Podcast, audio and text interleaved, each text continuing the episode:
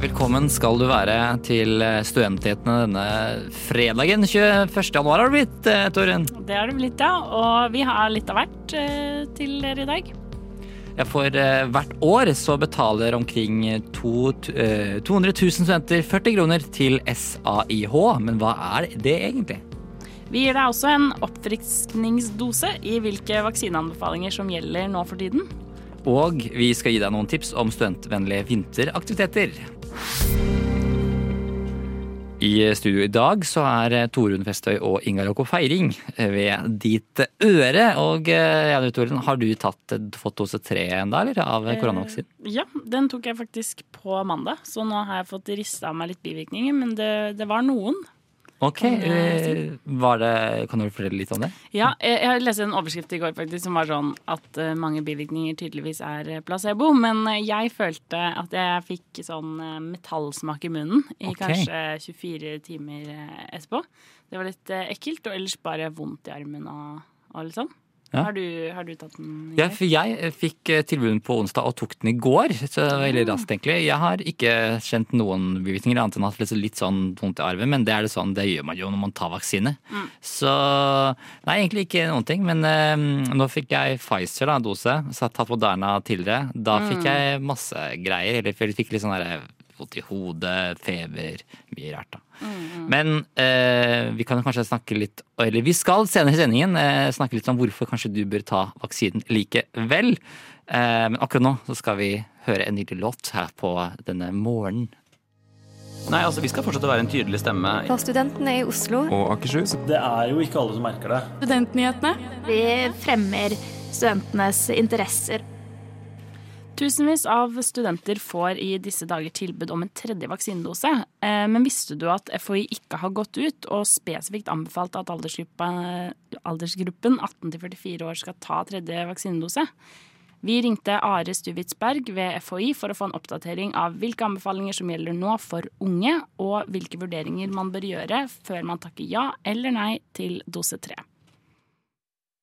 Tidligere så har det kun vært anbefaling for eh, menn under 30 år å ta Pfizer istedenfor Moderna. Eh, og hvorfor anbefaler dere nå det for kvinner under 30 også?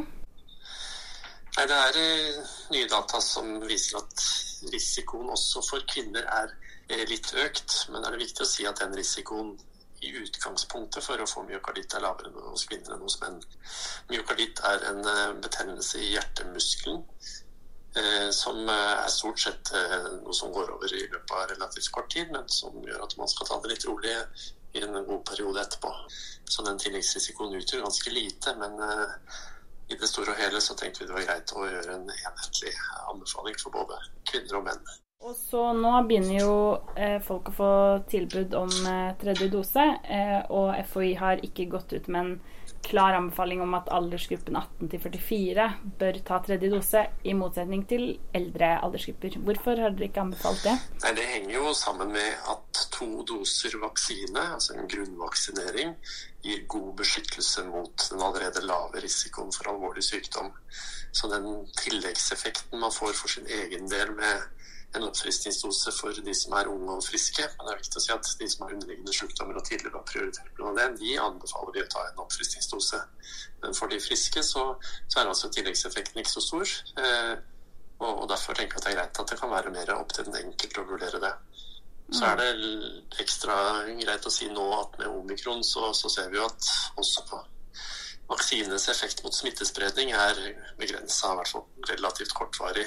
Så det er heller ikke et sånn kjempegodt argument for å be alle i den gruppa ta vaksinen. Mm, og hvis man da er mellom 18 og 44 eh, og har to doser og nå får tilbud om tredje, hva er det man burde tenke på da når man vurderer om man skal ta den eller ikke? Det er jo sånn at den reduserer jo den allerede veldig veldig lave risikoen ytterligere da, mot å få mer alvorlig forløp. Og så reduserer den også risikoen for å få et mer ubehagelig forløp. Altså du vil nok eh, i mindre grad eh, kanskje bli febersjuk og kanskje sengeliggende en dag eller to eh, hvis du har hatt en oppfriskning. Altså risikoen for det reduseres ved en oppfriskningsdose hvis du ikke har det. Eh, Og så er det jo en del ja, praktiske forhold og reise eh, som en del er opptatt av. Eh, EU har jo bestemt at eh, det skal være sånn at fra 1.2, de som har venta det har, gått mer enn ni måneder siden eh, siste dose i grunnvaksinasjonsserien, altså andre dose. De må ha en tredje dose for å, for å kunne reise fritt og ha et gyldig koronasertifikat. Eh, Så det er nok mange som vil velge det av den grunn. Og det siste er jo at den vil jo også redusere risikoen, i hvert fall i en periode, eh, noe for å, for å kunne smitte videre. da.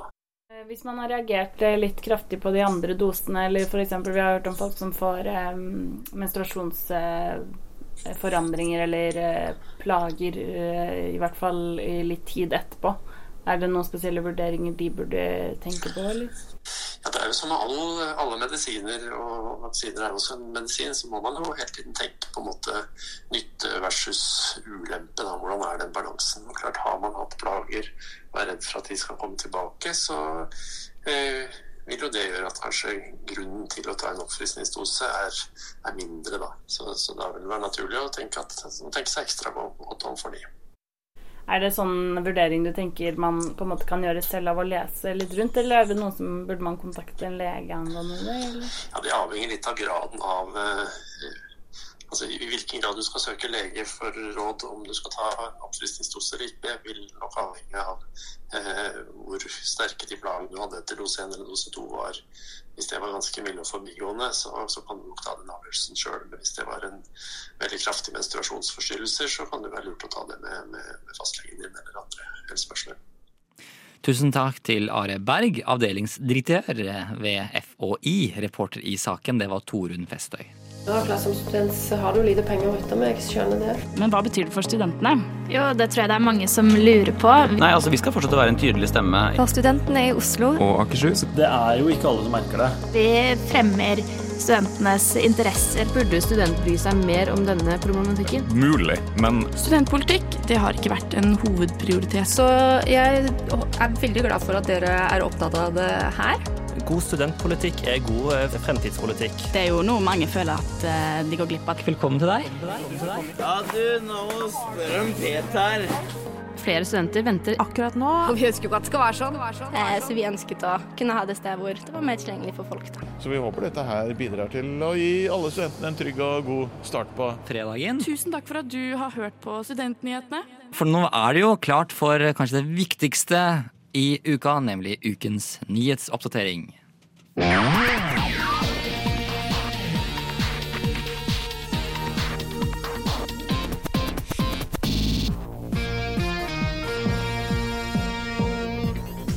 Forrige fredag ga utdanningsminister Ola Borten Moe beskjed om at regjeringen vil utsette å innføre den omstridte tosensorordningen i høyere utdanning. Ordningen setter krav til å ha to sen sensorer på alle vurderinger der det gis bokstavkarakter. Ordningen skulle trådt i kraft eh, 1.8 i år, men ser nå ut til å bli utsatt. Borten Moe begrunner utsettelsen i at regjeringen har igangsatt en helhetlig gjennomgang av universitets- og høyskoleloven, og mener det er hensiktsmessig å utsette innføringen av ordningen til etter det, det er gjort. Leder i NSO kaller utsettelsen håpløs, mens studentlederen i Tekna er glad for utsettelsen. Det melder VG. I desember ble det nye styret i SIO valgt. Stine Johansen ble gjenvalgt og blir sittende som styreleder. Studentene Eva Strømme Moshus og Elsa Skaret er valgt inn som nye studentrepresentanter. I styret sitter det ti representanter, hvorav fem er studenter. Studentene har flertall i styret, da lederen har dobbeltstemme. Det er dette styret som velger hvilke tilbud SIO skal ha. Og det melder Universitas. I Stortingets spørretime på onsdag spurte Himanshu Gulati fra Frp om forsknings- og høyere utdanningsministeren kunne love økt studiestøtte i denne regjeringsperioden. Ministeren svarte at regjeringen kommer til å fortsette å forbedre studiestøtteordningen, men at prioriteringen kommer til å være rettet mot prisjustering og de studentene som trenger det mest, som studenter med små barn. Det melder Krono.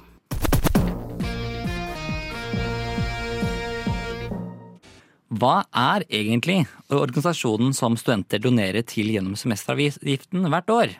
Vi har snakket med nestleder i SAIH for å finne ut hva dette egentlig er. Hvert eneste semester så må norske studenter betale semesteravgift for å kunne ta eksamen. Hvor mye denne semesteravgiften er, det kan variere fra universitet til universitet, men pengene de går til samskipnaden som utdanningsinstitusjonen hører til. For å betale semesteravgiften så oppretter man altså en faktura på Studentweb, og på denne fakturaen så står det at man har mulighet til å betale 40 kroner til noe som heter Studentenes og Akademikernes internasjonale hjelpefond, eller SAIH for kort. Selv om det står at det er valgfritt, så står det ikke så veldig mye mer informasjon om selve organisasjonen. Vi ble nysgjerrig på hva flere hundre tusen studenter donerer penger til hvert år, og har derfor snakket med nestleder i SAIH, Selma Brattberg, og Jørgen Skogan, som er leder for studentparlamentet på UiO. Jeg treffer Selma Brattberg på en kafé her i Oslo. Det første jeg spør om, er hva SAIH egentlig er, og hvor lenge de har eksistert. Vi startet i 1961 som en støtte til studentenes kamp mot apartheid i Sør-Afrika. Så vi jobber i syv ulike land med til sammen eh, ca. 30 organisasjoner. Eh, lokale organisasjoner. Så vi driver ikke noen sånn egne prosjekter, på en måte. Eh, men vi støtter de organisasjonene eh, i det de jobber med. Og det er ganske mye forskjellig, men det som på en måte knytter de alle sammen, er at de jobber med høyere utdanning. Det Selma forteller meg, er at ordningen som tilrettelegger for at man kan betale gjennom semesteravgiften, heter SAI-tierne. Dette er en ordning som vedtas av studentparlamentene på de forskjellige utdanningsinstitusjonene. Studentparlamentene kan selv velge hvordan ordningen skal foregå i praksis når det kommer til beløp, eller hvordan den skal betales. Og på Universitetet i Oslo for eksempel, så er det vedtatt at det skal være en egen del av fakturaen som man oppretter når man skal betale semesteravgiften. På denne fakturaen står det da at det er 600 kroner som skal betales til SIO, 220 kroner er Korpinor-avgift, og så er det da en egen linje hvor det står 40 kroner valgfritt til studentene og akademikernes internasjonale hjelpefond. Dersom man har betalt og ønsker å ikke ha betalt, så kan man gå på SAIs egne nettsider og be om refusjon. Hvor mange studenter er det egentlig som pleier å betale disse ekstra kronene hvert år? Det er ca. 200 000 norske studenter som betaler det i dag eller hvert år. Og det er en veldig viktig eh, støtte for oss. For det er de pengene som gjør at vi også kan søke støtte fra Norad f.eks. Så uten støtten fra norske studenter, så kunne ikke vi gjort det vi gjør. Hva er det studentenes bidrag går til? Pengene fra studentene går på en måte ikke til et spesifikt prosjekt, men det går til bistandsarbeidet vårt i helhet. Siden det er studentparlamentene som faktisk vedtar at universitetene skal være en del av ordningen, spurte jeg Jørgen, som er leder for studentparlamentet på UiO, om hvorfor det er viktig at norske studenter bidrar. Ja, det er jo det er veldig viktig, fordi det gjør at SIH eh, får eh, de midlene de trenger til å gjøre den eh, viktige jobben for solidaritet og akademisk frihet som de, som de gjør. Etter å ha fått mer informasjon om hva SIO faktisk er, så lurer jeg på hvorfor det ikke står mer informasjon på den faktiske betalingssiden til f.eks. UiO. Synes dere at det informeres godt nok? Nei, og det er jo eh, tydelig når studentene på en ikke vet helt hva de betaler til. Eh, så det er noe vi jobber med hele tiden. Både med å være mer synlig på campus, sånn at folk skal se oss og kjenne til oss. Det kunne helt sikkert vært, eh, vært, bedre informasjon. Jeg tror det hadde vært nyttig også for SIH at, eh, at folk eh, veit hva de driver med. Og at det arbeidet de gjør faktisk er utrolig viktig og, er med på å, redde liv da, i ytterste konsekvens. Det er jo snakk om forfulgte studenter, forfulgte akademikere som de gjennom Scholars at Risk, Students som de jobber mye med, er med på å gi trygge rammer til å fullføre studiene her i Norge bl.a.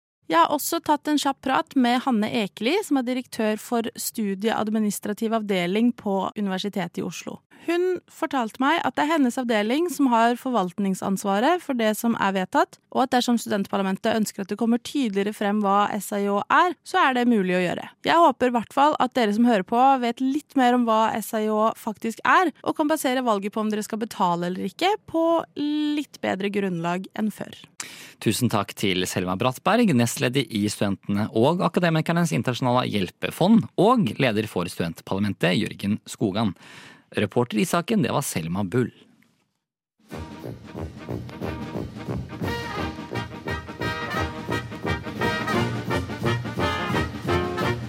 Og jeg har lidd av Ja, først har jeg operert for nyresten, gallesten og blindtarm i buken og svulst i underlivet. Så jeg har tre ganger mavesår og en halvdød skjoldbruskkjertel og syv dårlige skiver i ryggen. Og så har jeg hatt hjerteinfarkt to ganger og angina pectoris én gang og sukkersyke. Og nå er jeg bra. Radio Nova. Hopper der andre hinker.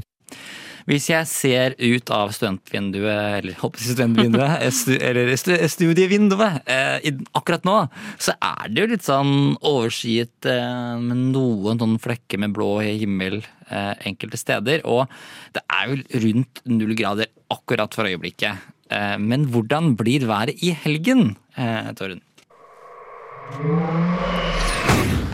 Ja, yr.no melder i hvert fall om at i dag, fredag 21. januar, vil sola etter hvert eh, titte fram mellom skyene eh, mellom 12 og 3. Og eh, deretter så er det faktisk sjanse for litt nedbør på kvelden eh, mellom 7 og eh, 9. Ellers ser det ut til å bli en fin helg værmessig, med temperaturer rundt ca. null grader, eh, med opphold og glimt av sol her og der. Så eh, det ser til å bli en fin helg for å komme seg ut. Og vi skal gi deg noen tips om hva du kan gjøre straks her i Studentnyhetene. Endelig besøk. Vet du hvor mange ganger student står i deres Oslo-program? Det har jeg nok eh, ikke talt opp, eh, men jeg antar at dere har. Vi er nyhetsprogrammet av og med studenter. God studentpolitikk er god eh, fremtidspolitikk. Har du vært på radio før, eller? Har dere Senterpartiet glemt studentene når dere skrev deres valgprogram for Oslo? Altså, mulig. Vi er på radioen din. Og på podkast. Aldri lenger unna. Nå spør om Peter. Hei, hei. Jeg vil bare informere deg om at du hører på Studentnyhetene. Det er jo tydelig at noen har lagt merke til hva jeg har holdt på med, og at eh, hvis det har gjort en bitte liten forskjell et eller annet sted, så er jeg veldig glad. Det er det viktigste for meg. Hver fredag fra 11 til 12 på Radio Nova. Hør på oss. Jeg hadde ikke gjort det. Ja, ja. Vi skal snakke om hva du kan gjøre nå når det er kaldt ute. Fordi det er Det snør ikke akkurat nå, det er oppholdsvær. Men man kan jo likevel gjøre litt sånn vinteraktiviteter ute som student. Eh, Og eh, da har vi jo noen eh, tips til deg som hører på. Ja. Det er jo deilig å komme seg litt ut og være litt i bevegelse. Og en ting jeg gjorde som jeg kan anbefale, er å stå på skøyter. Eh, og jeg har de hjemme, men jeg vet også om et par eh, steder, eller i hvert fall et sted, man får leid skøyter på Frogner stadion på Majorstua. Og der er det også gratis å stå på skøyter, og de har en liten sånn eh, bod som selger litt kakao og varme ting, og det er ganske stor plass der, da. Så det, det kan jeg absolutt anbefale. Men det er andre steder. For det er rett ved Frognerparken, er ikke det? Jo, rett ved Frognerparken. Så bare Ja, på hjørnet der. Og så, ja, men også lignende tilbud for de som har lyst til å gå på skøyter på Voldsløkka, på, på Sagene slash Bjølsen. Der kan man også leie skøyter gratis, i hvert fall i helgene. Lørdag og søndag, med andre ord. Eh, også gratis topp på skøyter. Det er også man kan kjøpe vafler, brus og godteri og kose seg. Eh, og så kan man selvfølgelig gå på skøyter. Det er jo litt Jeg har også prøvd det. Det er, det er jo litt gøy. Og hvis man aldri har gjort det før, så er det også litt sånn man føler seg, så, man føler seg som hops i Bambi på isen. Bambi. Man gjør det. Det er uh... Ja, litt skummelt. Kanskje, da kan man kanskje ta med seg en hjelm også, hvis det er aller aller første gang du noensinne står på skøyter. Um, men det, men altså, det, det går ganske fort tilbake. Det ligner jo egentlig litt på, på å stå på ski, hvis man har stått Ja. eh, på ski. Men eh, jeg, tenkte også på noe som er litt mer eksotisk, er også å komme seg ut på et natur, eh, naturvann og skøyte der. Og da har man jo blant annet Sognsvann, i hvert fall. Eh, og Nøkkelvann har jeg hørt om. Ja. Det er fine vann. For da har de vel laget sånn et par kilometer sånn lø- altså løype man kan gå rundt i ringen, da. Ja, jeg Eh, tror det. mm. At de liksom har eh, måkt der. Og også Jeg hadde en venninne som dro dit, og hun, eh, eh, hun dro litt seint på dagen. Og der, det er jo ikke noe lys eh, ute i skogen, så det, der burde du kanskje tenke på å komme deg ut i dagslys når du skal ut dit. Så dra tidlig til sånn som Nøkkelvann, eh, for de som vil gå på skøyter der. Um, og så har vi jo også Det er jo fortsatt også mulig å gå på ski, Mm. for så vidt. Ja, vi har kanskje ikke helt oversikt over akkurat hvor mye snø det er, men det finnes jo masse, masse ting man kan søke på. Eh, ja, som sjekker løyper og sånn. Ja, Man kan f.eks. dra opp til Linderudkollen med ta bussen opp dit, f.eks. Der er det jo oppskjørte og kunstsnøløyper. Det er veldig fint. Eller for så vidt også på, rundt på Tryvann eller Frognerseteren. Der er det også kunstsnøløyper. Mm. Um, så kan man også, hvis man er kanskje, hvis man har gått på ski før, så er det mulig å gå på ski fra Sandton også, men det er nok litt hardt i starten Ja. der, vil jeg anta. Mm. Det kan man jo. Eh, Men, men det er jo andre ting man kan gjøre. Det er jo iste om dagen, så man kan jo for så vidt skli på fortauet det også. Men eh, man kan jo også dra opp til kokketekeren og skli der med Ja. akevekt, ake eller skjelke der. ak. Akebrett. Der er det jo utleie av de kjelkene, og hvis du allerede har eh, T-banekort, så er jo ikke det noe spesielt eh, store utgifter knytta til det. Og også der oppe, på samme sted cirka, eller samme T-banestopp i hvert fall, så er det jo også Roseslottet. Hvis man har lyst til å komme seg ut, men kanskje ikke er så gira på sportslige aktiviteter, så kan man sjekke ut eh, det. Så, Ja. ja. Ja. Så egentlig bruk eh, beina, enten det er på skøyter, på ski eller på, til fots. Til fots. Enten her eller der. Gå ut og bevege deg og nyte det kalde og fine vinterværet. Studentpolitikk det har ikke vært en hovedprioritet. Så jeg er veldig glad for at dere er opptatt av det her. Tusen takk for at du har hørt på Studentnyhetene. Ja, vi nærmer oss som sagt eh, slutten på Studentnyhetene for i dag, dessverre. Eh, hvis du har lyst til å høre mer fra oss, så kan du jo stille inn radioapparatet ditt til samme tid neste uke. Men du kan jo også høre oss igjen på podkast. Der du Ja, på diverse podkastplattformer, egentlig. Ja, og der heter vi Studentnyhetene, så det kan du søke opp der. Og ja, i dag så er det jeg, Torunn Festøy, som har vært i studio, og Og Inger Aker Feiring. Og vi har også med oss eh, tekniker ben Benjamin Ødegaard. Du har hørt en podkast fra Radio Nova. Likte du det du hørte? Du finner flere podkaster i iTunes og på våre hjemmesider radionova.no.